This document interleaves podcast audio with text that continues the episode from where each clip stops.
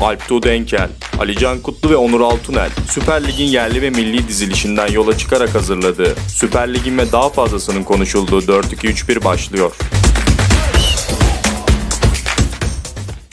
4-2-3-1'in 7. bölümüyle karşınızdayız. Ben Alptu Denkel. Her zaman olduğu gibi yanımda Alican Kutlu ve Onur Altunel var. Öncelikle hoş geldiniz.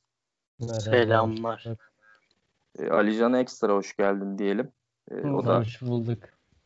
Yeni geldi. Araya da şey sıkıştırayım. Onur'un da yeni yaşını sıkıştırayım. Açılışta herkese değinmiş olayım. Mutlu yıllar tekrardan. Teşekkür ederim. Mutlu bir sürü programa artık bu sene. liderin puan kaybettiği hatta zirvedeki herkesin puan kaybettiği Beşiktaş'ın da arayı kapattığı bir haftayı geride bıraktık. Geçen hafta Galatasaray bay geçmesine rağmen e, çok şanslı demiştik ama altın tepsiyle sunulan fırsatı biraz tepmiş gibi oldu. İlk konuşacağımız konu Fenerbahçe maçı olacak. Fenerbahçe yine 3-7. Bu sefer deplasmanda 3-7. Ben şöyle bir soru sorup hatta bu konu yani Fenerbahçe ile ilgili dört alt başlığımız var ama ben bir tanesini sorayım. Oradan siz analizini de yaptıktan sonra araya soruları sıkıştırmaya çalışayım ben de. Ee, hazır Slaven Bilic boştayken hayırlı olsun diyebilir miyiz? Gelirse nasıl olur? ne oldu? Olur başla. Duyum varmış gibi söyledin. Çok hazırlıksız yakalandım. Şahsen ben de hiç haberi var mı bilmiyorum. Hayır hiç yok. Ya ben öyle bir şey olacağını hiç tahmin etmiyorum. Aynı zamanda bununla ilgili duyumum da yok, bilgim de yok. Onunla ilgili bir hayalim de yok. O yüzden çok yorumum yok yani. Olursa konuşuruz ama e, ya boşta olduğunu sadece birkaç tweette gördüm. Onun dışında özel ilgi alanım da değil. Ama Fenerbahçe'nin hiç düşüneceğini tahmin etmiyorum. Gerek yok bence ya. Daha erken. Gerek yok. Yani hoca devam edecek diyorsun. Edecek demiyorum ama bence hemen gönderilmemeli bu kadar çabuk. Tamam o zaman hocayla başlayalım. hocayla başlayalım. başlayalım. Zaten hep hoca konuşuyoruz Fenerbahçe konuşurken de. Ya hoca burada herhalde biraz şey oluyor hani konuların hepsinin öznesi ortak oluyor hoca ama aslında konular bambaşka oluyor. E yine hocadan başlarsak ya bilmiyorum. Ben geçen haftalarda söylediğim, şüphelendiğim durumu bu, bu hafta artık yani bir videoda ya da video demeyeyim ne denir ona gol, gol yayıncı kuruluşun görüntüsünde de görmüş oldum. Hep diyordum ki hani çok başlılık mı var? Nasıl bu kadar kopuk oluyor oyuncular? İyi hazırlanmıyorlar mı vesaire vesaire. Şüphelerim hep yani oyunun teknik an, teknik yanında ve hocanın tercihlerinde değil bu taraflardaydı. Çünkü ani bir değişiklik yaşandığını düşünüyorum ben oyunda ve hı hı. fiziksel durumlarda. E, görüntü neydi? E, Pelkas'ın golünden sonra Pelkas topu alıp arkadaşlarını canlandırmaya çalışırken kamera birden Mert Hakan'ı gösterdi. Erol Hoca onu çağırmış. Mert Hakan tribünden biriyle konuşuyor. Erol Hoca Mert Hakan'la konuşmaya çalışıyor. Mert Hakan tribündeki kişiyle konuşması bitince he he söyle hocam tarzında mimiklerle. Yani hiç hoşuma gitmeyen ama bir yandan da evet şüphelerim bu yöndeydi galiba artık eminim şüphelerimden dedirten bir görüntüydü. Benim için çok şey ifade ediyor.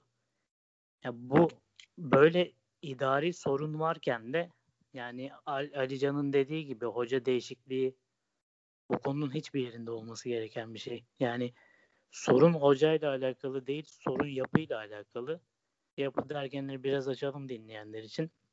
Siz çalışma ortamınızda ortamı yaratmadıysanız, iş disiplinini yaratmadıysanız ya da kendiniz bozuyorsanız bu ortamı ee, yani şöyle bahsedelim mesela bir öğretmenin dersine müdür girmez. Bu etik olarak okullarda e, yazılı olmayan kurallardan biridir. Öğretmen çünkü dersteki disiplini yaratmıştır. Müdür onunla birlikte öğrenciler birden hani artık müdürle muhatap olurlar ve o aradaki bozulmuş olur. Fenerbahçe'de sağlanmamış olan sanırım bu.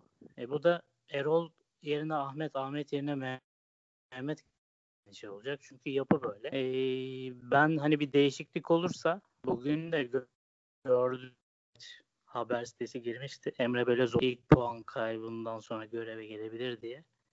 Ben değişiklik olursa böyle olacağını düşünüyorum maalesef. Yani Emre'nin var mı ki başa geçme şansı lisans bakımından? Yani zannet yani o Türkiye'de yok galiba. çok önemli değil. Türkiye'ye hoş geldin Alican. yani hoş bulduk. Bir geldim ama yani işe bak ya. Ya ben bir şey söyleyeceğim. En başta özür diliyorum bütün Fenerbahçe taraftarlarından. Ben çünkü Fenerbahçe şampiyonu hayırlı olsun der demez her maçı kaybetti galiba Fenerbahçe ya da puan kaybetti. Yani yani keşke demeseydim öyle bir şey ya. Çok kötü gidiyor gerçekten Fenerbahçe. Ee, ben şöyle bir şey düşünüyorum açıkçası. Yani Fenerbahçe'nin oynadığı futbol değişmedi. Rakipler çözdü. Ve alternatifsiz olması asıl Fenerbahçe'nin sorun. Sizce öyle değil mi? Bence değil. Sence Bence peki tam olarak nedir? Fizik gücü, birliktelik, hocaya inanç ve hocanın söylediklerini yapma şevki eski dozunda olsaydı hepsi birden e, bence Fenerbahçe'nin yani çözdü diyebileceğim bir zaten oyunu yoktu. Ama yani. o yüzden yani tamamen o fiziksel ve motivasyon değiş diye düşünüyorum. Zaten hani net bir oyunu olur. Mesela hani konuşacağız Alanya Spor'un Deniz Denizli Spor'un oyununun Alanya Spor'u bozması gibi mesela. Evet. Böyle bir şey olduğunu düşünmüyorum ben. Fenerbahçe Doğru. Tarafında. Ya şöyle söyleyeyim ben. Ee, tabii ki oynadığı hani futbol yok diyemem ben şahsen. Tabii ki belli bir sistem vardı ve hani o sistem tıkır tıkır işliyordu ama biz daha en baştan itibaren daha en baştan itibaren bu podcast'in şey demiştik hani tamam güzel Fenerbahçe güzel oynuyor. Okey ama e, işte ya duran toptan gol atamazsa ya ortalar isabetli olmazsa ne olacak denilmişti. E, ama orada en azından futbolcular bir şey yapmaya çalışıyordu dediğin gibi.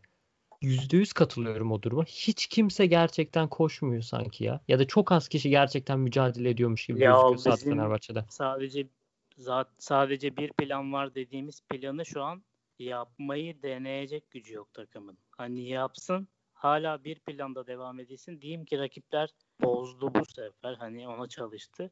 Bunu yapılmaya çalışıldığını bile göremiyorum. Yani tabii ki futbolcular çünkü hani bunu yapamıyor ya da yapmak istemiyor. Neyse artık durum. Hani gerçekten yani bir elin parmaklarını geçmeyecek kadar Fenerbahçe'de futbolcular ekstra bir şey sarf etmeye çalışıyor. Gerçekten maçı kazanmaya çalışıyor gibi bir görüntüsü var. Yani bu gerçekten hiç doğru bir durum değil, güzel bir durum da değil. Ya Bilic'in geleceğini düşünmüyorum ben şahsen. Daha yani yeni kovuldu West Brom'dan. City ile beraber kovulup kovulması da çok saçma sapan bir durum bence. O sizin podcast'iniz artık Artu siz orada konuşursunuz. Ee, ama yani hemen hemen şey yapmamak lazım.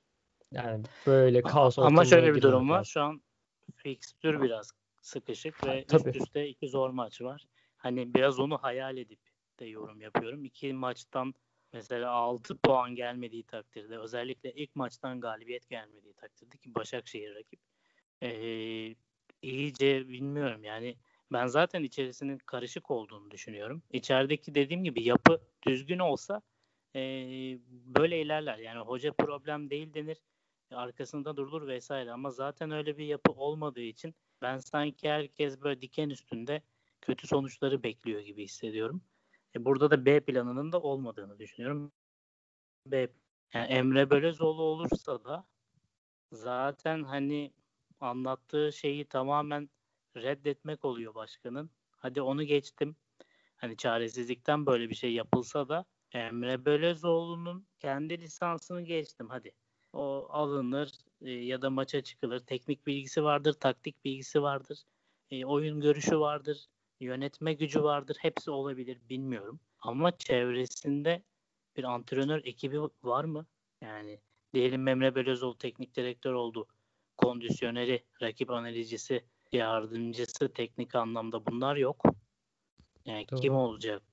Evet Hocalık ya ben biraz da sahaya çık. Sahaya çık işte bağır çağır değil ki bunlarla oluyor hocalık. Ben bu Slaven Bilic'i derken şakayla karışık herhangi bir hiçbir yerde yazılmış çizilmişliği de yok. Öyle bir duyumum da yok ama e, aslında şunu kastetmeye çalışmıştım. Teknik ekibiyle geldiğini Slaven Bilic'in düşünerek e, bir katkı yapabileceğini e, öngördüm kendimce. Ama bu aslında Bilic örneği olarak değil Fenerbahçe'ye bence bir teknik direktör gelecekse Emre Belözoğlu, Erol Bulut vesaire bu tarz isimler bırakıp e, Onur diyor ya işte Mert Hakan biriyle konuşuyor tribünde diye. E, öyle biri gelmeli ki tribünden kimseyle hiçbir futbolcunun konuşamaması gereken bir marka isim gelmeli kulübeye ki bu şekilde bir takımda toparlanma olsun. Ya Fenerbahçe hep marka isimlerle geçmiş dönemde belli yerlere geldi ya da marka hocalar vardı bir başarı elde edemese de takım. O yüzden bence bu e, son dönemde marka hoca hasretinden kaynaklı e, baş aşağı gidiş sürüyor. Yani benim kendince marka düşüncem var. Gelse de bundan şüphem var. Çünkü ben ha şunu da doğrudur değildir bilmiyorum ama Fenerbahçe'nin e, Burak Yılmaz'la berabere kalıp Bursa'ya şampiyonluk kaybettiği maçta teknik direktör Davum'da yanılmıyorsam. Davum'a bile kağıt gittiği haberi var. Tepeden işte başkan mı artık o zaman yönetici mi kimse bilmiyorum. Ki Davum güçlü bir karakterdi. Ya Fenerbahçe'de bunu yapmayacağız kararının verilmesi lazım. Kim gelirse gelsin. Bugün atıyorum İsmail Kartal da gelse sportif direktör ve başkanın orayla mesafesi olması lazım. Kendileri bu kararı vermeleri lazım. Yoksa Löw de gelse karışırlar. Yani ben karışacağım benim çalışma sistemim bu diyorsan karışırsın, Löw'e de karışırsın, Sumidika'ya da karışırsın. Hepsi de başarısız olur. Ya doğru, doğru. Ee, bilmiyorum. Ben genel olarak hani hani Erol Bulut'un bir şey oynatmadığına yüzde yüz katılıyorum. Takımın da bir şey yapmadığına yüzde yüz katılıyorum. Daha ne kadar dayanılır, yani tırnak içinde dayanılır diyorum tabii ki. Ee, merak konusu özellikle Türkiye'de.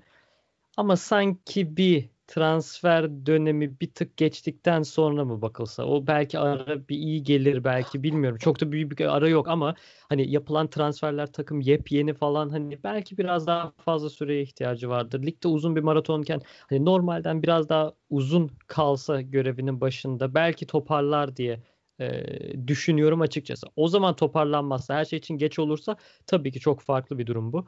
Ama hani e, yani bazı oyuncuları illa oynatması ya da bazı oyuncuları oynatmaması gerektiği gibi bir durum da yok. Sanki öyle bir his de veriyor bana. Bilmiyorum katılır mısınız? Şöyle gibi sanki bazı oyuncuların disiplin, antrenman veya hocayla olan birebir sorunları var gibi ve bazı oyuncuları e, aslında kadroya böyle ilk yazacağın oyuncu ismen olan hı hı. oyuncuları oynatmıyor gibi bir durum görünüyor. Ama bunun tabii detayını bilemiyoruz. Aslında doğru bir şey bu. Yani hep diyoruz disiplin seviyesinden dolayı, fizik güçten dolayı takım bu halde. E bunu bazı oyuncuların geride kaldığını düşünüyorsa hoca gayet tabii oynatmayacak. E, ya da hocanın sistemine karşı gelen, hocayla anlaşamayan oyuncular varsa tabii ki hocanın güçlü olması lazım. Tabii ki yedek bırakacak. Yani Beşiktaş'ta Sergen Yalçın bunu çok yaptı. Yani Caner istemiyorsa gitsin dedi. Benim zaten sistemime uymuyor dedi. Gönderdi. E, kiradan dönecek olan oyuncuyu benim takımımda çok gelişecek oyuncu değil dedi. Gönderdi. Yedek bıraktığı oyuncular var. Adem Laiç. Yani kağıt üzerinde ilk yazacağın oyunculardan belki üçü hoca hocanın e, ya futbol anlayışından ya onların disiplin seviyesinden hocaya uymadığı için onlar ilk 11'de düşünülmedi ve bu belki de başarıyı getiriyor. Erol Bulut'un da bunu yapmaya hakkı var. Ama belki hani Erol Bulut'un oyununun düşmesinde şu da etkili olabilir. Yani ilk haftalarda en fazla şeyden bahsediliyordu. Samatta, Valencia ve biraz önde basan Ozan Tufan'ın e, rakibi önde karşılaması, stoperlere basması, öndeki hareketliliği işte Valencia ile Samatta'nın sağlaması. E, bu ikisi birden birden hani bir şekilde Covid vesaire takımdan ayrı kaldılar ve haftalar sürdü. Belki ikisinin birden dönüşü ki herhalde bu hafta dönüyorlar. Ee, tekrar o biraz tempo katabilir diye düşünüyorum ben oyuna. Tabii ki o da bir durum bence. Yani hani e, Fenerbahçe'nin başarılı daha başarılı olduğu haftalardaki oyuncu grubuyla şu anda oynayan oyuncu grubu ilk 11 bazında biraz daha farklı.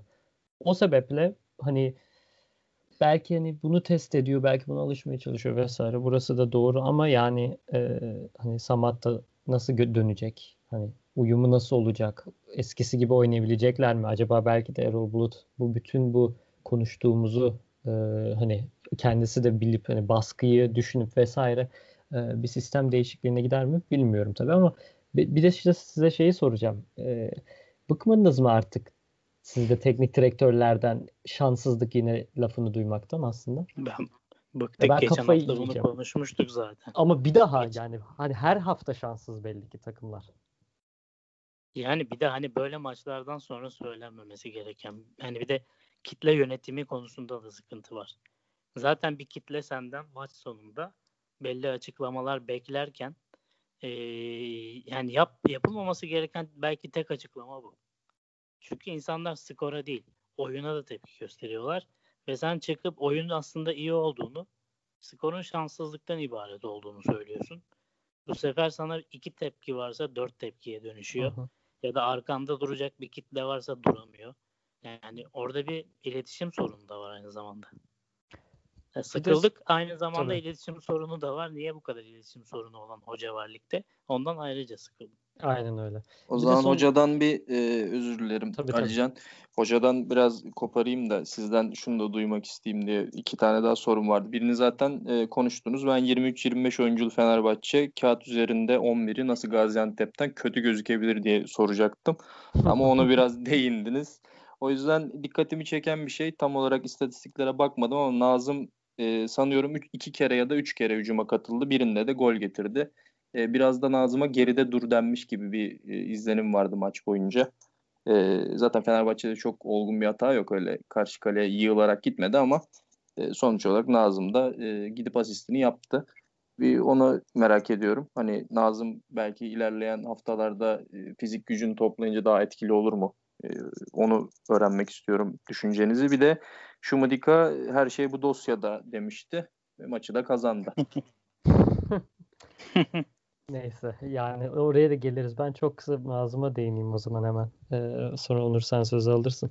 Ben Nazım zaten hani ligin en kaliteli sağ beklerinden birisi olarak görüyorum. Hem defansif katkısı hem ofansif katkısı hani sadece Fenerbahçe değil bence ligdeki her takıma e, hani gol yollarında özellikle diyeyim. Hani e, tehlike yarattırabilecek bir oyuncu lazım.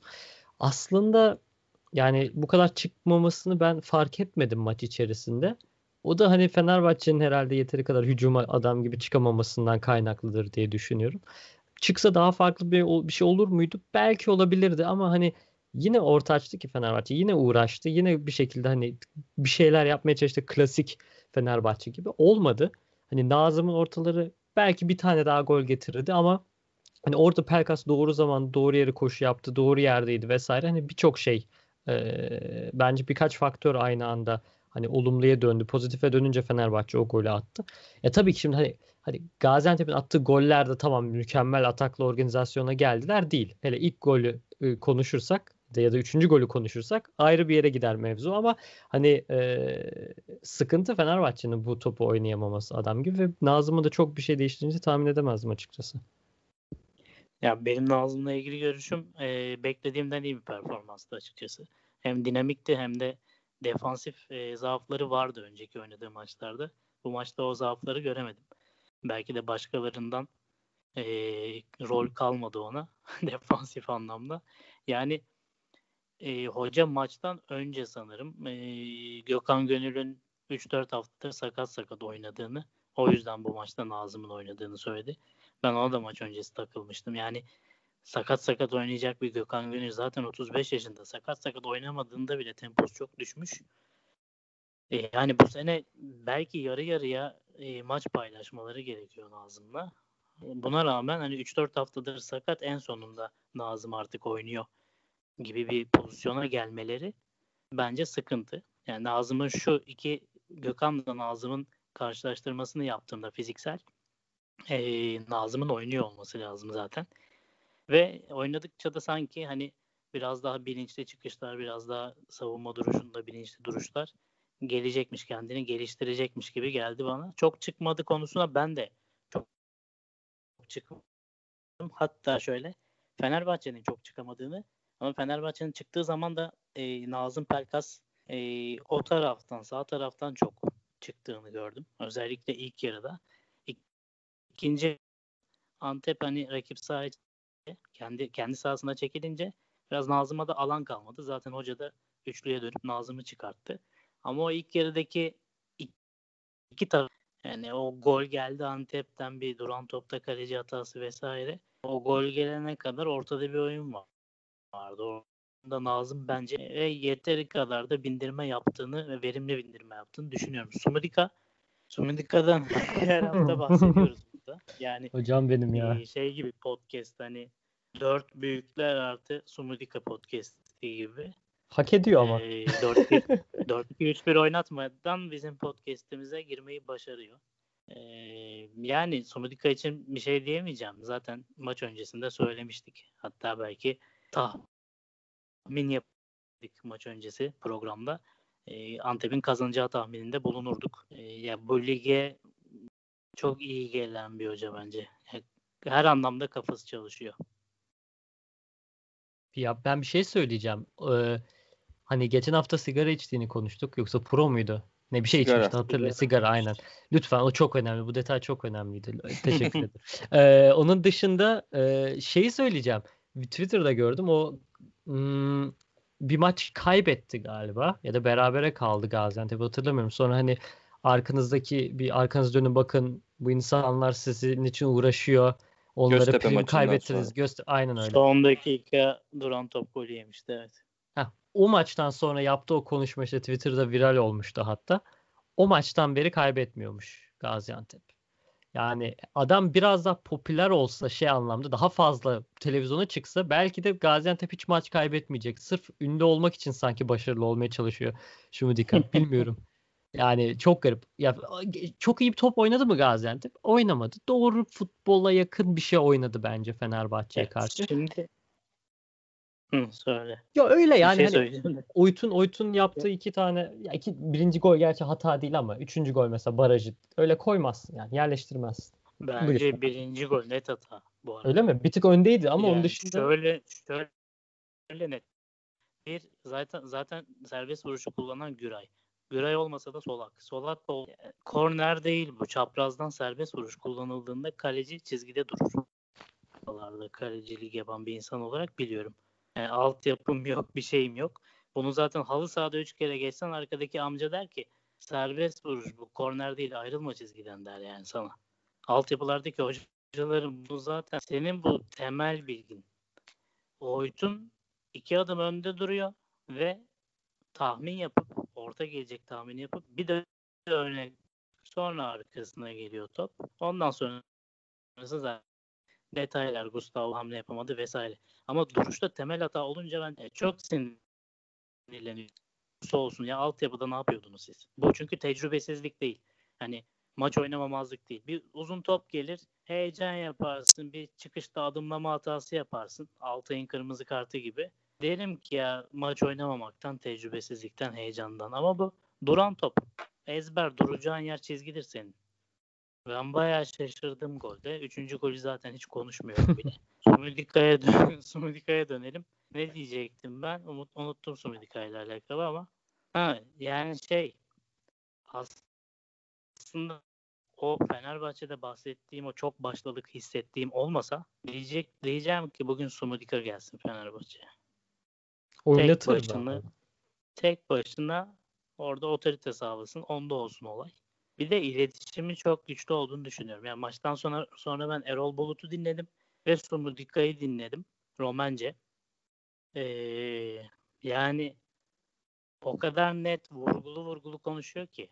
Hani Romence bilmeyen biri bile ne anlattığını mimikleriyle böyle süsleye süsleye bir şekilde etkileniyorsun ve doğru şeylerden bahsediyor. Hani şova kaçmıyor. Maç sonrası ve maç öncesi ben şova kaçtığını düşünmüyorum mesela gayet teknik açıklamalar yapıyor. Arada süslemeleri oluyor ama iletişim gücünün yüksek olduğunu düşünüyorum. O zaman ben de çok kısa şunu belirteyim. Ee, Gaziantep böyle devam eder mi? Çok zannetmiyorum. Ama yani her maç kaybetmediğinde Gaziantep Sumudika konuşulacak ya bizim tarafımızdan ya da başka birisi tarafından e, Fenerbahçe ise sanki e, bir araya ihtiyacı var. Sanki Fenerbahçe bir hafta bay geçse biraz toparlanacak gibi hissediyorum ama bakalım. Ee, şimdi Fenerbahçe'yi kapatmadan çok kısa bir şey daha e, merak ediyorum. Benim çok gözüme batan bir durumdu. Ee, Pelkas'ın konumlandırıldığı maç içindeki pozisyonuyla işte Ozan'ı geride oynattı hoca. Hani belki şöyle bir şey olabilir miydi diye geçmiş maçlara baktığımızda biraz önce de değindiniz bu. Ozan'ın önünde presi işte Samata, Valencia vesaire e, üçlü. Ozan'la Pelkas'ın yeri değiştirilmiş olsaydı Fenerbahçe daha ayağında topu tutarak daha e, nasıl söyleyebilirim derli toplu bir hücum organizasyonu gerçekleştirebilir miydi? Maç içinde bir iki kere çok kısa e, sekanslar oldu. Daha düzgün gözüktü takım. Benim gözüme öyle geldi en azından. Buyur buyur. Yani ben Tiam oyuna girdikten sonra eşleşme sorunu olduğunu düşünüyorum Antep adına. Yani hocam muhtemelen Sumudika Tiam oyuna girdikten sonra ee, bir demiştir ki tamam biraz oyunu veriyoruz. Çünkü hani dizilimi de Antep'in biraz daha farklı diğer takımlara göre biliyoruz. Ee, orada bence Tiam biraz karıştırdı. Pelkas'ın önünde solda da bir önünde de bir hücumcu ol, olması ee, yani ortadaki orta alanda ben hani Pelkas'la Ozan'ın yer değişimlerini vesairesini çok etkili olacak olduğunu düşünmüyorum.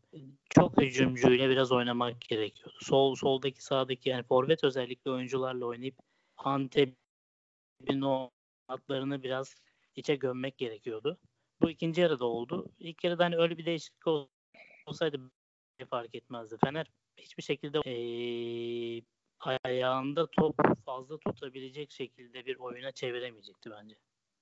Şu or, ileri üçlüyle. Yani orta sahadan kaynaklı olduğunu düşünmüyorum. Biraz ileri üçlünün kurgusuyla alakalı olduğunu düşünüyorum ben.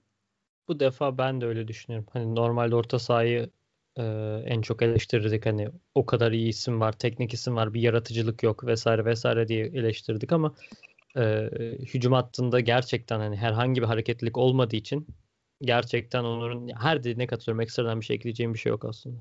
Ya benim düşüncem şuydu sadece. Geride kullanılan Ozan Tufan'ın işte o önde pres yapan, topu alıp gidebilen Ozan Tufan'ın bonuslarını sildiğini düşünüyorum. Yani ne kadar geriye çekerseniz o kadar e, süslü oyunu gidiyor ve sıradan bir futbolcu oluyor bence.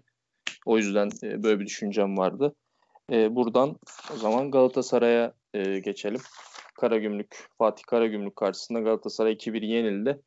E, Karagümrük 7 iç saha maçının 5'ini galibiyet ikisinden de beraberlikle ayrılmış. İç sahada zaten e, iyi bir deplasman oluyor yani büyük takımlar içinde. Hanginizle başlayalım? Paslayamadım yani... bu sefer topu. yok yok düşünüyorum ben şimdi lafa girmeye de. Yani sevindim diyeceğim de yanlış anlaşılacak. ya ama dedik şey, ya. Şey, dedik abi biz. Örnek örnek verdiğimiz takımlar arasında hep Karagümrük, Hatay, Antep, Konya vardı. Yani benim bunların böyle kompakt, kolektif, savunmada sağlam, fizikli, dinamik ve işte yüksek hoca takımları hep söylüyorduk ve hani Galatasaray'ı bozacak birkaç takım ee, onlardan biri o diye de bahsedeyim. Ben çok bozduğunu düşünüyorum. Hatta e, bir iki arkadaşım bana Galatasaray'ın rahat kazanacağını falan söyledi. 9 eksik var Karagümrük'te vesaire. E, böyle takımlarda bir de birkaç eksik çok da hissettirmez. Yani siz oyun şablonunuzu öyle kurmuşsunuzdur ki e, Antep'te de böyle bence hissettirmez. Galatasaray'ın belki bunu da düşürmüş olabilir bu arada. Galatasaray kupa maçında da çok iyi bir görüntü vermedi bana göre. E, kupa maçından değildi o tempoyla. E Karagümrük tabii ki sanırım böyle dakika 70 iken falan Galatasaray'ın kaleyi bulan şutu mu yoktu? Yanlış mı biliyorum? E, ya bayağı etkisiz bir maçtı bence Galatasaray adına. E, yani golü bulamayabilirdi. Bir şok golü gibi oldu ikinci yarının hemen baş. Ama sonrasında Galatasaray baskı yap. Benim dikkatimi çeken bir olan bir adım orta saha çizgisi e, geçmişken verilen pas sebebiyle offside olan ki ben onu gol sayıyorum. Yani bir adım önce pas gelse Galatasaray savun diğer yarı sahada çizgi halinde yakalanmış. O golü sayıyorum. Onun dışındaki diğer iki gol de aynı. Yani tamam takımcı öne çıkmak hep övülüyor. Takım boyunu kısa tutabildi. İşte bloklar birbirine yakın rakip rakibi yarı sahasına hapsetti ama siz tek topla Karagümrük ceza sahasından çıktı. Tek karşı karşıya kalıyor. Burada, burada da bir var. Yani bunu yapmanız iyi. Topa hakim oluyorsunuz. Rakibi bu, bu şeyi de vermeme, vermeden yapmanız lazım. Bir maç içinde bunu 3 kere yaşıyorsa rakip e, daha kaliteli rakipler, yarın bir gün Şampiyonlar Ligi'ndeki rakipler 6-7 kez karşı karşıya kalırlar seninle. 3-4 tane gol yersin ki Karagümrük'ten de 3 tane yedin. Biri bir adım mı offside oldu. Teknik anlamda bu büyük sıkıntı. Stoperlerin de işi zor. Yani tamam marka vesaire övülüyor da yani o anlayışla oynamak e, zor bir şey bir stoper için. Arkanda 40 metre alan bırakarak ve orayı da koruyarak oynamak. Karagümrük bunu iyi değerlendirdi. Geride de iyi durunca benim beklediğim ama maç saati yaklaştıkça yok ya. Çok eksik var. Galatasaray alır dediğim ama daha önceki günlerde beklediğim bir sonuçtu. Ee, bu tür rakiplere Galatasaray zorlanacak gibi. Ya öncelikle şunu belirteceğim sonra konuya girmek istiyorum. Şampiyonlar Ligi'ndeki rakipler dedin de biz oraya ne zaman gideceğiz ki? Yani e, bitti Sene o Avrupa işi. gidecek. gidecek artık kim gidecekse. Ee, yok ya Karagümrük'ü bekliyorduk. Değil mi? Yani hep burada konuşuyorduk zaten. Hani Karagümrük iyi takım. Hani çok kompakt bir futbol oynuyorlar. Büyük takımlara karşı da e, kendilerine yakın rakiplere karşı da hani farklı futbol oynuyorlar vesaire diye. Eksik olsun olmasın dediğin gibi o sistem o hoca takımı e, Karagümrük olarak kendisini gösterdi Galatasaray'a. Ya Galatasaray için hiçbir olumlu olay yoktu bence maç içerisinde. Hani herhangi saha içinde saha kenarında hiçbir olumlu durum yoktu bence. E, hatta ben bugün maçlar bittikten sonra hani Beşiktaş maçının öncesi şey sordum işte arkadaşlarıma. E şampiyon kim şimdi dedim. Hani yani kim olacak gerçekten? Hani ne oluyor? E bütün şampiyon olabilir dediğimiz takımlarda sıkıntı var gerçekten. Yani herhangi bir takım alıp götürecek gibi durumu yok. Ee, Karagümrük tamamen büyük takıma karşı nasıl oynanılır dersi verdi ya da en azından Galatasaray'a karşı nasıl oynanılır dersi verdi. Bence muazzam oynadı. Yani bu kadar iyi oynanılır bir büyük takıma karşı. Galatasaray'ın da o hücumdaki e, nasıl söyleyeyim çeşitliliği, yaratıcılığı tamamen kısıtlanmıştı. Yani her maç öyle oynayamayacağını gösterdi bize Karagümrük Galatasaray'ın. Yani kendisinden o e, yani Anadolu takımları eğer Galatasaray'ı tam çözemiyorsa, kapatamıyorsa Galatasaray aynı şekilde galibiyeti bulacak. Ama Karagümrük gibi gerçekten çok sağlam savunması, takım savunmasına sahip takımlar Galatasaray'ı sadece değil bence diğer büyük takımları da böyle yenebilir rahatça. Bu şey gibi oldu. Hani Fenerbahçe'nin oyunu çözüldüğü gibi tam olarak aslında Galatasaray'ın belki oyunu bu maç için çözüldü. Yani merkezi çok iyi kapatınca bir de fizikliysen birlikte oynamayı biliyorsan Galatasaray'ı bir hayli zorlarsın. Yani bu biraz görülmüş oldu. Tabii bunu yapabilmek ayrı beceri. O ayrı bir şey. Ee, ama Karagümrük bunu ya ben çok kısa bir şey sormak istiyorum. Sizce yani girmemiz ne kadar doğru bilmiyorum ama şimdi Fatih Terim'in Terim yani ne kadar doğru yaptıkları sizce artık? Yani yıl 2020 olmuş. Artık niye? Yani yapmak zorunda mı böyle şeyleri? Ya ben bugün Sergen Yalçın'ı dinledim. Biraz kendimi de sorguladım. Acaba hani yanlış mı yapıyoruz diye. Dedi ki siz nereden biliyorsunuz televizyon? Belki ben küfür etmiyorum. Ee, belki seviyeli bir duruyorum. Çok konuşuyor olabilirim bu benim ama hoca bundan şikayetçi değil yanda. İyi bir diyalog kuruyorum. Gayet e, düzgün kelimeler seçiyorum. Nereden görüyorsunuz da benim atılmamı istiyorsunuz dedi. Yani bilemiyorum ama Fatih Terim'inki biraz tabii ki ağzı da okunuyordu. E, mimikleri de biraz bence hakem için rahatsız edici olabilecek mimikler. Yani geçen hafta da konuşmuştuk genel hocaların bir agresifleşmeye başladığını, belki seyircisiz maçta hakem ve rakip oyuncuları baskıya alma aracı olarak görmeye başladılar. Hani seyircisiz zaten oradan bir teknik 3-5 üzerine çullandığında bir baskı oluşturmayı düşünüyorlar gibi geliyor bana. Sergen Yalçın ve Fatih Terim özelinde söylüyorum. Hatta Fenerbahçe teknik heyetinde de bunun tam tersi olduğunu, hiç ses solup çıkmadığını düşünüyorum. Ee, ya olabilir ama tabii ki strateji ise de atıldığınız zaman yapılması lazım. Atıldıktan sonra sahanın içine yeniden mi girmiş? Ben onu galiba kaçırmışım. Maç sonunda Fatih Terim aşağıdaydı. Yani o maç sonunda oyuncuların birbirleriyle tokalaştığı esnada birbirleriyle tokalaşıyor. O yasak olması lazım sanırım. Normal şartlarda bir ceza gelecektir. Yani hı hı. bundan önceki bunu yapan teknik direktör kimdi hatırlamıyorum ama 5 maç ceza almış. E, bilemiyoruz tabii. Büyük takımlar olunca bazen hiç ceza da olmayabiliyor. Ceza oluyor, yine de biliyor. Ama sonuç olarak evet bir hocalarımızda maalesef Türk hocalarda hani ben buranın kralıyım hal ve hareketleri var. Çok üzücü değil mi? Gerçekten aşırı üzücü bence. Yani bu profesyonel futbol oynuyorsunuz siz. Hani federasyona laf atmaktan, hakemlere laf atmaktan, işte böyle davranmaktan bıkmadı gerçekten Türk futbolunda insanlar. Hani gerçekten böyle profesyonel, sadece mesleğini kovalayan, sadece böyle şeyler yapmaya çalışan futbol yani teknik direktörü bile geçtim. Hani bazen futbolcu bile olduğunu olmadığını düşünüyorum. Yani gerçekten karamsar düşündürtüyor beni böyle şeyler. Ya bunun öyle bir e, mesela Çağdaş Atan da kulübede çok güçlü her şeye hakim duran oyuncularına da rakip oyunculara da hakim duran bir hoca. Ama sınırı nerede?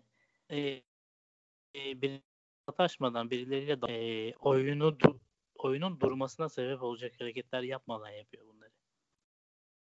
Yani belirttiğimiz hocalarda bu problem var. Yani Türkiye Ligi'nde hakem oyunu durdurdu, gitti. Direktörü yerine göndermeye çalıştı. Sonra orada 20-25 saniye konuştular falan. Bu görüntüyü ben de görmek istemiyorum. Düzelecek mi? Bence hayır. Ama neyse yani bir, yapacak bir şey yok. Yapacak bir şey yok. Galatasaray hakkında son bir şey şunu söylemek istiyorum. Transfer döneminde artık nasıl takviye yapacak bu takım bilmiyorum ama hangi parayla ya da nasıl tarzda ama bir şeyler olması gerekiyor. Hayaller Feguli Belanda'yı elden çıkarıp o bütçeyle yap. Ama geldiğimiz noktada Feguli Belanda dayı bilmiyorum ama Feguli takımın kilit oyuncusu oldu.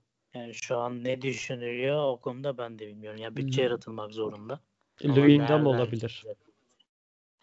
Riskli bir karar olur ama o olsa gibi duruyor. Ona da eğer söylenen talipler o rakamlarla varsa. Doğru. Beşiktaş maçına geçelim o zaman. Galatasaray'la Hı-hı. konuştuk. Sergen Hoca'ya biraz değindik zaten. Ee, Beşiktaş evinde Büyükşehir Belediye Erzurumspor ilk yarı 0-0'dı. Ee, şeyden yedek kulüp e, yedek kulübesi değil pardon soyunma odasından çok enteresan bir takım çıktı ikinci yarıda. 4-0 oldu maç ve bu kısa sürede gerçekleşti. Birden farklı bir oyun oynamaya başladı Beşiktaş. İlk dikkatimi çeken birkaç faktör var. Ee, şöyle söyleyeyim. 76'da Beşiktaş 6 kişiyle hala ceza sahasındaydı. Bu beni çok sevindirdi. Fenerbahçe'nin motivasyon düşüklüğünden, işte sorumluluk almamasından, disiplinsizliğinden bahsederken Beşiktaş 76'larda 80'lerde hala 6 kişiyle atak yapabiliyordu. Belki de hani hocanın e, yeni oyuncular sokması, değişiklikler yapmasıyla e, yeni giren oyuncuların da gol atma isteği olabilir ama yine de takım olarak e, gol sevinçlerinde de gördük. Beşiktaş çok motive, çok hırslı gözüküyor.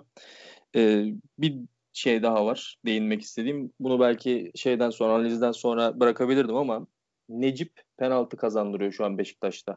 Yani bu motivasyonu, inanmışlığı biraz beslemek için belirtiyorum bunu.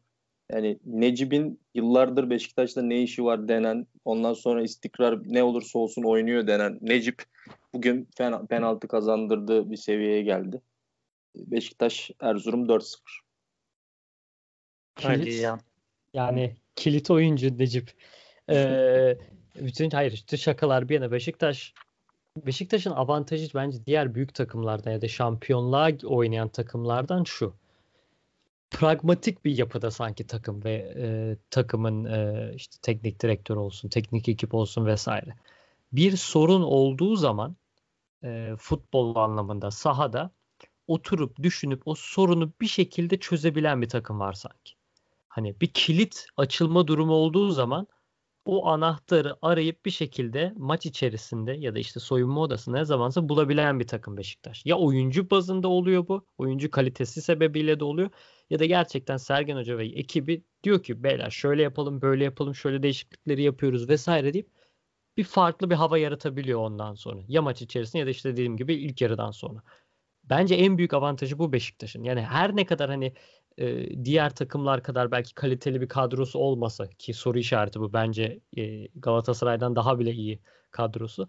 Hem de aynı zamanda e, işte kendilerinden e, belki de beklenmedik kadar e, efektif hücum futbolu oynayınca Beşiktaş hani benim kafamda şöyle bir soru işareti e, ya da işte şöyle, şöyle bir soru oluştu. Acaba Beşiktaş gerçekten hani iyi gidebilir mi böyle? Yani böyle devam edebilir, şampiyonluğa gidebilir mi? Çünkü hani bütün o önemli anahtar şeyler orada. Ee, Beşiktaş'ta gerçekten. Hani sorun çözme olayı. Ben öyle düşünüyorum açıkçası. Ya Beşiktaş'ta şöyle bir durum var. Hep bahsediyoruz. Ee, oynama isteği olan, kariyer hedefleri olan, e, futbol geliştirmek isteyen oyunculardan kurulu bir kadro. İşte belki bu planlı bir şekilde seçil yapıldı. Belki e, buna yönelindi. Ama sonuçta Sergen Yalçın'ın hep söylediklerine bakınca ben plansız olmadığını düşünüyorum. Biraz önce de bahsettim istemediği oyuncular vardı. Hala olup şans vermedi oyuncular. Son e, bu maçtan sonra Erzurum maçından sonra Vida'yı yorumlarken de Vida zaten kalitesini tartışamayız ama performansını tartışırız. E, performans performansı lazım. Burada mücadele edecekse oynamak istemeli ve performansını yüksek tutmalı dedi. Yani bu da takımın kurulma aşamasından ne planlanarak kurulduğunu, nasıl oyunculardan kurulduğunu gösteriyor. E bu da neye yol açıyor? İşte bir şekilde 1-0 olduğunda iç sahada oynama şevki 2'ye 3'e 4'e katlanıyor. Birden fark 4'e çıkıyor. Son dakikalarda ceza sahasında 6 oyuncu görüyorsun. Çünkü her oyuncu 1-1 baktığın zaman oynamak isteyen, futboldan zevk almak isteyen oyuncular. E, nispeten de rakiplerine göre bence atlet bir kadro ön tarafta. Böyle oyuncular alan buldukça, maç koptukça e, daha çok şevke gelirler, daha çok performanslarını arttırır. Beşiktaş'ta bu çok oluyor. İlk yarı 0 sonra ikinci yarının başlarında yani bir gole bakı, bakıyor maç sonra 2-3 oluyor.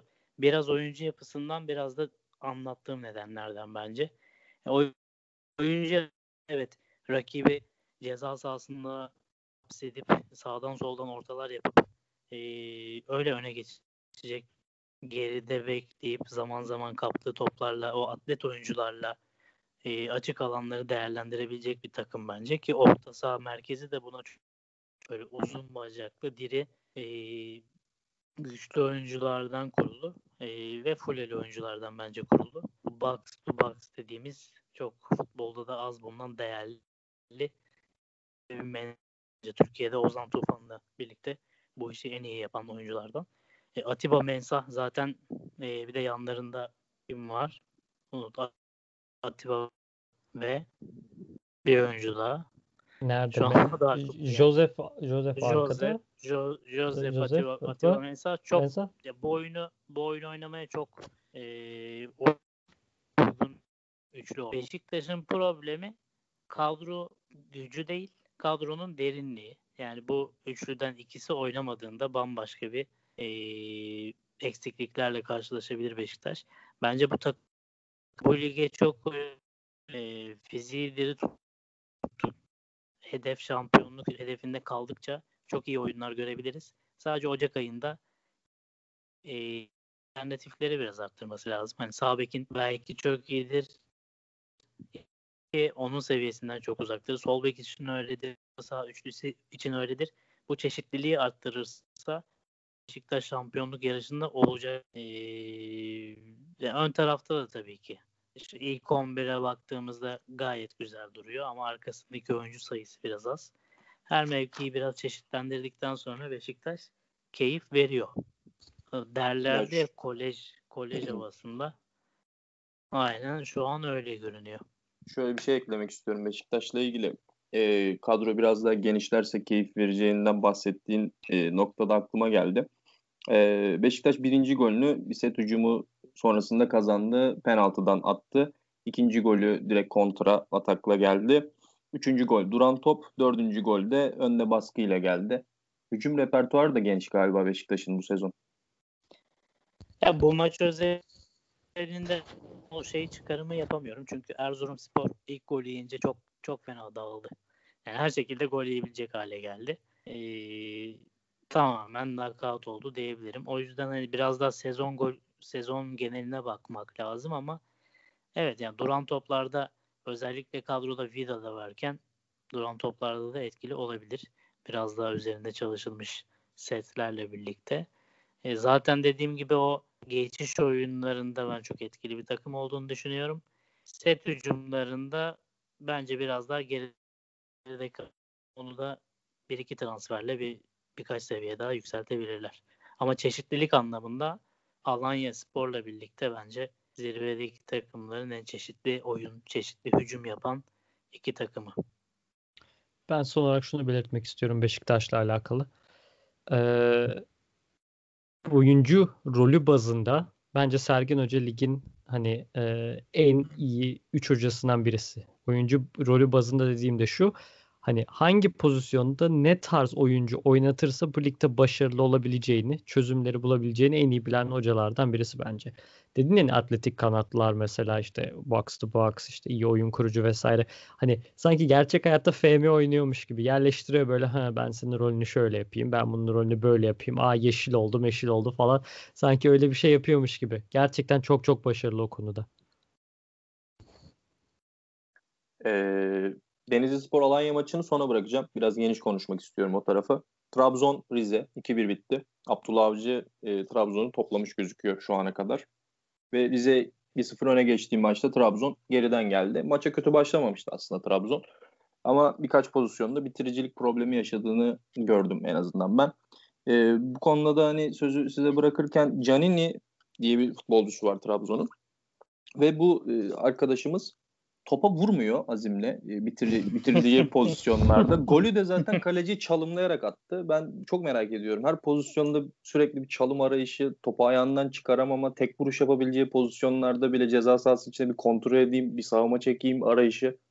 Çok gözüme batan bir durum olduğu için geçen haftalarda da Canin, Canini'yi de sormak istedim size. Ali Can sen geçen haftalarda Canini'den bahsetmiştin. Sen bahset ben de bahsedeceğim. Öyle mi? Ya ben geçen hafta bahsettiğim şuydu yani ben Canini'yi izlemiştim daha önce. Galiba ilk ilk iki programda konuşmuştuk Canini'yi. Evet, evet. Ee, öncelikle Canini yerim senin e, başlığını gördüğüm için Trabzon medyasında inanılmaz mutluyum. Zaten bu fırsatı kaçırsalardı hani ben ben şey yapardım editörlük başvurusunda bulunurdum. Ee, öyle olayı var ya. Jenny genel olarak daha nasıl söyleyeyim hani top liglerde oynamak yerine hani kendi bitirileceğini biraz daha şovla birleştirip e, göstermeye çalışan bir arkadaş. Biraz kafası havalarda o konuda. E, hani nasıl söyleyeyim disiplinsiz değil ama şovmen. Hani şovmenliği var. E, kendisinin yeteneklerini biliyor çünkü. Öyle yani Trabzon'da öyle şeyler hoşuna da gider insanların diye düşünüyorum büyük ihtimalle. Uf baksana ne yaptı adam çalım attı da gol attı falan diye. Ee, ne kadar işe yarar? Tabii ayrı merak konusu. Özellikle Abdullah Avcı bunu öyle kolay kolay şey yapmaz. Hani öyle bırakmaz. Ben açık açık söylüyorum. Trabzonspor'u hiçbir şekilde oyunun değiştiğini neredeyse düşünmüyorum. Hiç hem de neredeyse. Yani hani Newton gitti. Abdullah Avcı geldi. Aynı oyunu oynattı falan demiştim ya ben ilk gel- geldiği hafta. Hiçbir fark yok bence. Katılıyor musunuz? Birlikte oynama farkı daha fazla.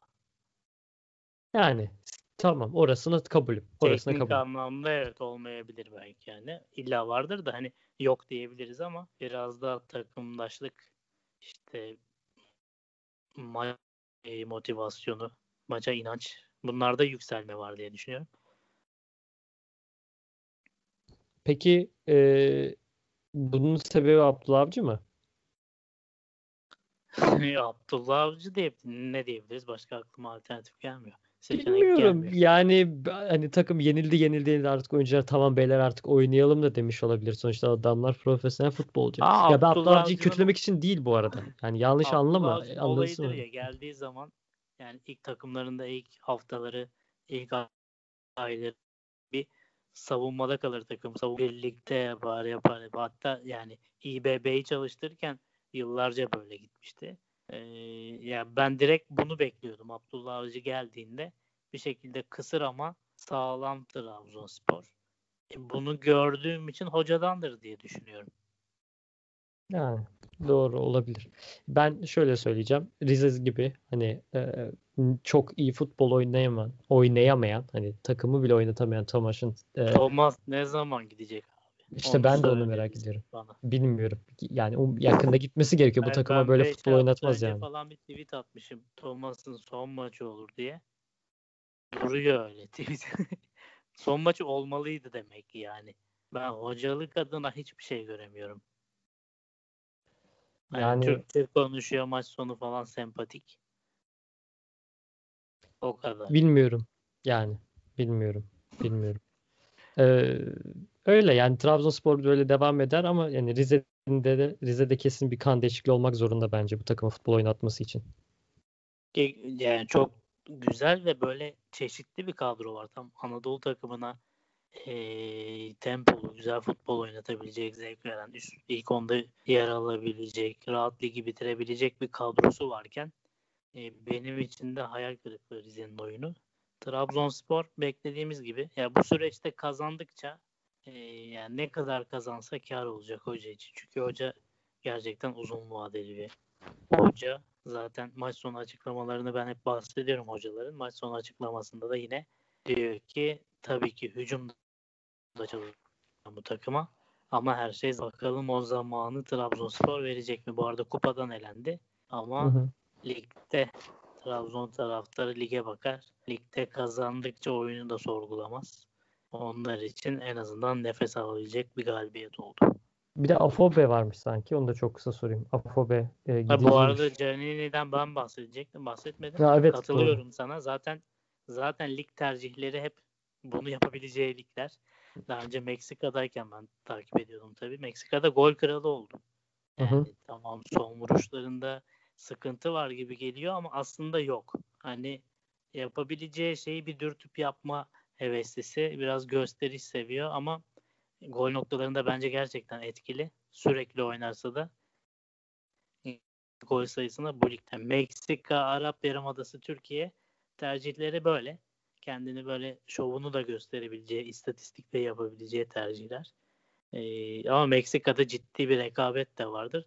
Orada hem takımını şampiyon yapmıştı hem gol kralı olmuştu.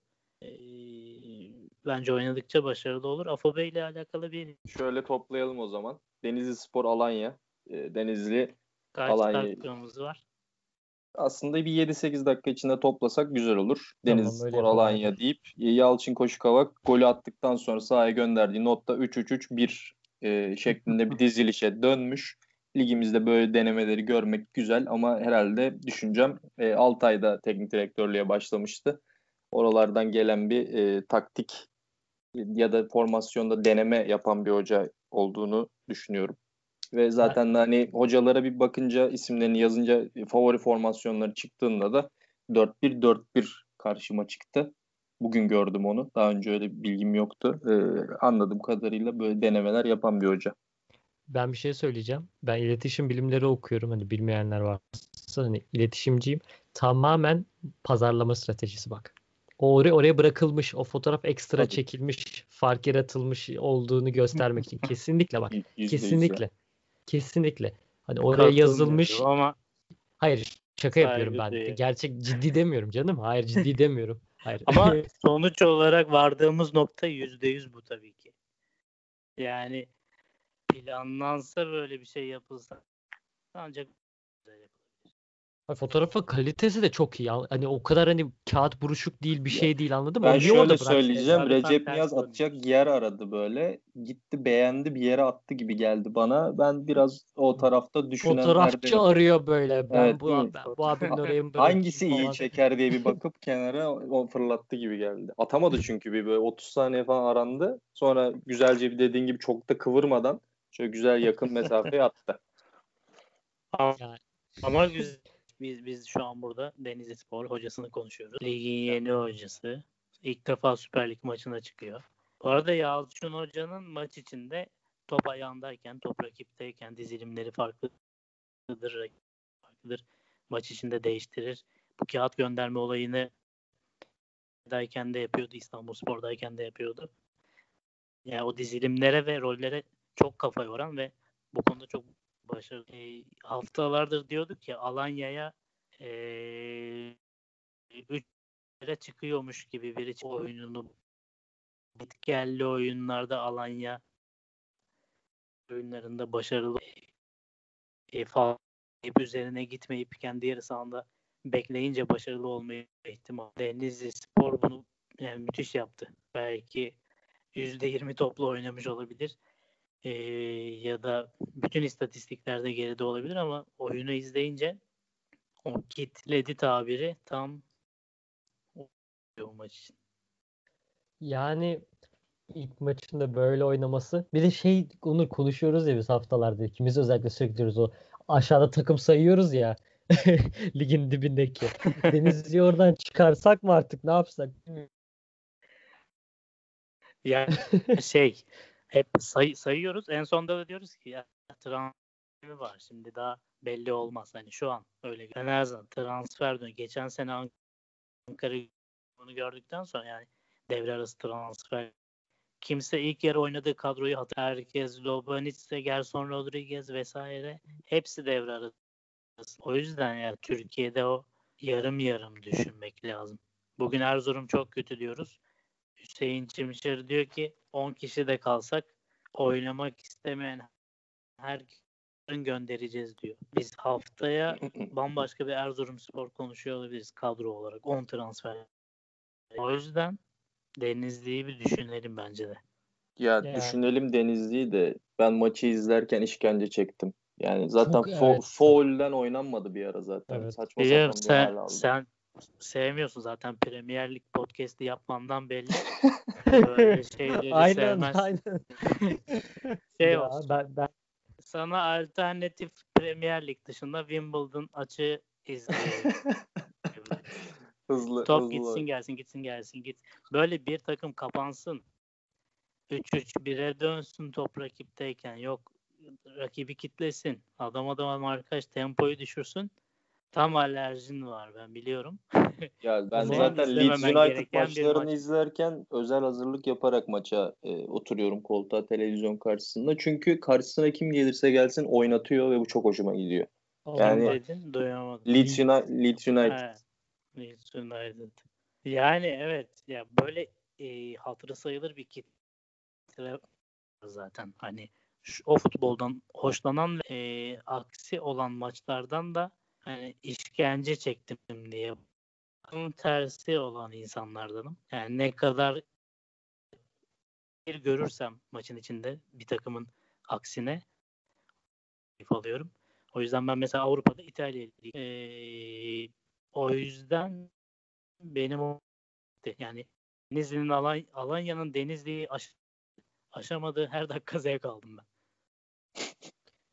o kadar yapamıyorum ben ya. Yapamıyorum zaten benim inanılmaz canım sıkılıyor. Ben Bundesliga'yı çok seviyorum özellikle. Bir de hani görevim gereği özellikle İngiltere, Hollanda, Belçika olduğu için hani beni hücuma boğun. Anladın mı? Hani top durmasın sadece koşsunlar köpek gibi istiyorum. Abi görevim Ama... gibi gö girecek. Ben Ekvador Ligi izliyorum. Herkes Abi koşuyor. tabii doğru.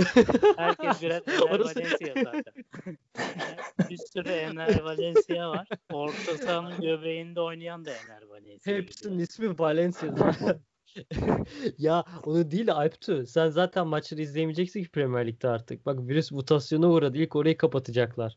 Evet öyle bir sıkıntı Türk var. Hava yolları kapatmış uçuşları. Hollanda dönüşleri kapatmışlar. Ne oldu? Sen niye geldin? Sana bir sıkıntı yok değil Abi mi? kaldı. Ben daha yeni geldim. Ben de acelem yok dönmek için ama ha, yok evet şey geçici kapatmışlar Hollanda, İngiltere, Danimarka ve bir, bir ülke daha vardı galiba. Güney Afrika. Güney yeah. Afrika. Çünkü İngiltere'de mutasyon geçiren hastalardan birisi Güney Afrika'da çıkmış, birisi Hollanda'da çıkmış. Şeylerde kapanmış. Oh, sınırlar. Yandık ya. Yandık. Mutasyon uğrayınca biz ne konuşacağız? Podcast'e 4-2-3-1'i farklı şeyler değil mi diğer, diğer taraftan Premier Plus'tan sürekli olarak buraya atıf yapılıyor. E, 4-2-3-1'e. Artık şey yaparız. Siz de kabul edersiniz. Ben de, Hep birini zaman... şey yapıp e, konuk edip karışık bir program yapabiliriz. Dünyanın herhangi bir liginde lig devam eder ya onu konuşuruz. Konuşuruz seve seve. Olmaz. Ne işte Beyaz Rusya mı da devam etmişti? Aynen Beyaz şey. Rusya. Onlar oynadı abi. Onlar hiç durmadan oynadı. Bitirdi ligini. Konuşuruz ee, ya. Bu ülkede bilmeden konuşmaya çalışan çok. Biz de onlardan oluruz. Aynen. bir sıkıntı olmaz yani. Oynasaydı ne olurdu diye. Hani belki bilmiyorum. O tarz bir program yapılabilir. Her hafta. Biz uydururuz format. Fixture'de bu maç hafta... vardı oynansaydı. oynansaydı ne olur? Yani bir de tutturursak e, başımıza bir iş gelir ama bilmiyorum. Yani. Bu arada maçları bitirdiysek bu tahmin maç, bir, maçlar var. Evet doğrusu. bir kısa yapalım. şey yapalım. Önümüzdeki hafta değerlendirmesi de yapıp toplayalım programı. Ee, eşleşmeler şöyle. Ankara gücü Beşiktaş ilk maçımız bu. Eşleşme deyince bir an şey, evet, geliyordu şey gibi oldu. Eşleşmeler şöyle. Önümüzdeki haftanın maçları demem gerekiyordu. Beşiktaş Ankara deplasmanına gidiyor. Ankara gücünün de e, bugün tweet'i vardı. Bekliyoruz gibisinden bir ofansif tweet paylaşmış Ankara gücü e, taraftarları deyip. Güzel bir bekliyorlar ama şeyde statta olamayacaklar. Fakat güzel bir maç izleyeceğiz herhalde. Skor tahmini yapıyoruz herhalde. Ay, önce arayacaksın sonra ben yapayım. Yok yok önce sen yap. Ben düşünmem tamam, gerekiyor şu anda. Tamam direkt skor tahmini. Ankara gücü 1, Beşiktaş 2. 2 mi dedin? 2. Abi ben direkt söylüyorum 3-0 Beşiktaş. O zaman ben de e, geçerken şöyle diyeyim. 0-2. Beşiktaş 2-0 kazanır diye düşünüyorum ben. Herkesten farklı çıktı. Buranın time kodlarını alıp paylaşacağım şeyde. Deblese Podcast hesabından. Fenerbahçe bay geçen Başakşehir'le dinlenmiş, belki motive olmuş, hmm. Avrupa'dan arınmış, e, yüzünü Süper Lig'e dönmüş, hedeflerini yeniden oluşturan Okan Buruk'un da dediği gibi çok kötüydük, toparlanırız diye bir özetle böyle bir basın toplantısı vardı.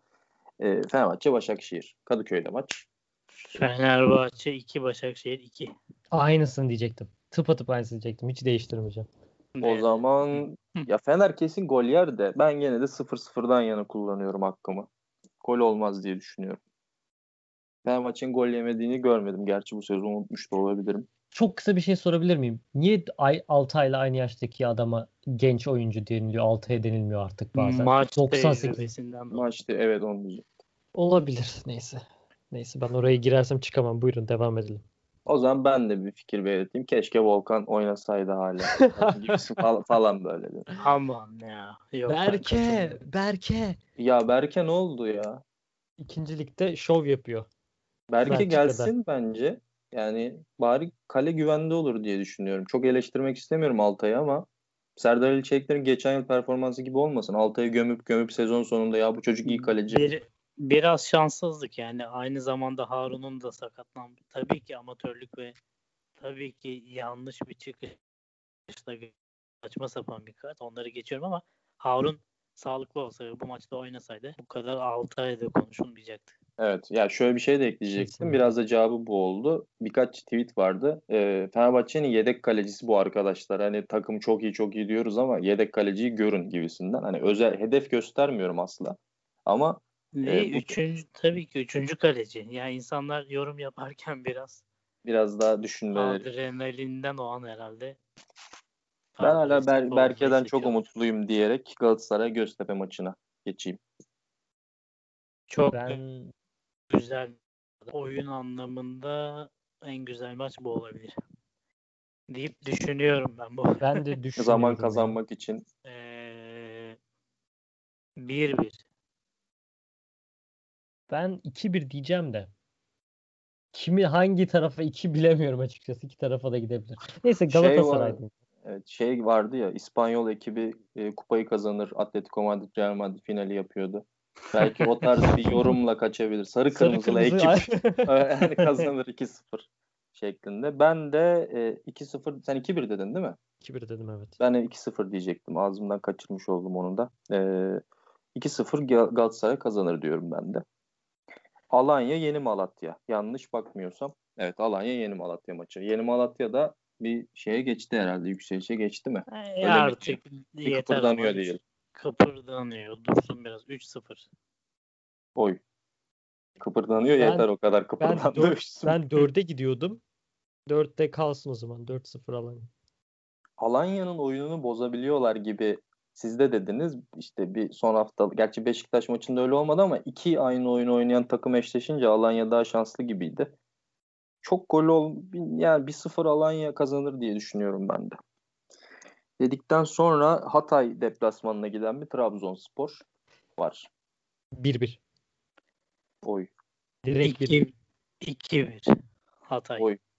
Ligin yeni ekiplerine verilen şans. Alp'te ee, oy oy diye Trabzonlu'ya döneceksin ha. Hakikaten ben yani daha fazla Beğendiğim. yükselmez herhalde diye oy demiştim ama bir tık daha oy gelince. Her hafta söylüyorum. Bir ağzımdan her hafta. Çok beğendiğimi biliyorsunuz. 2-1 Hatay. Ee, 2-1 Hatay. Bilemiyorum bu karışık karışık karışık ne ya? Karışık bir maç. Karışık ee, karışık. Gerçekten öyle telaffuz ediyorum. Çok karışık. Ee, berabere kalırlar herhalde diye ben, düşünüyorum. Bir bir evet. Bir bir bana da sıcak geldi nedense. Canini son vuruş yapmak isterse dörde de gidebilir Trabzon. Bilemiyorum orada şov yapmayıp topa vurmaya karar verirse farklı bir yerlere de gidebilir. Bilmiyorum ama bir birden yana kullanayım ben de hakkımı. Canini isteğine bağlı. gününde, gününde Canini hat-trick yapabilir her daim.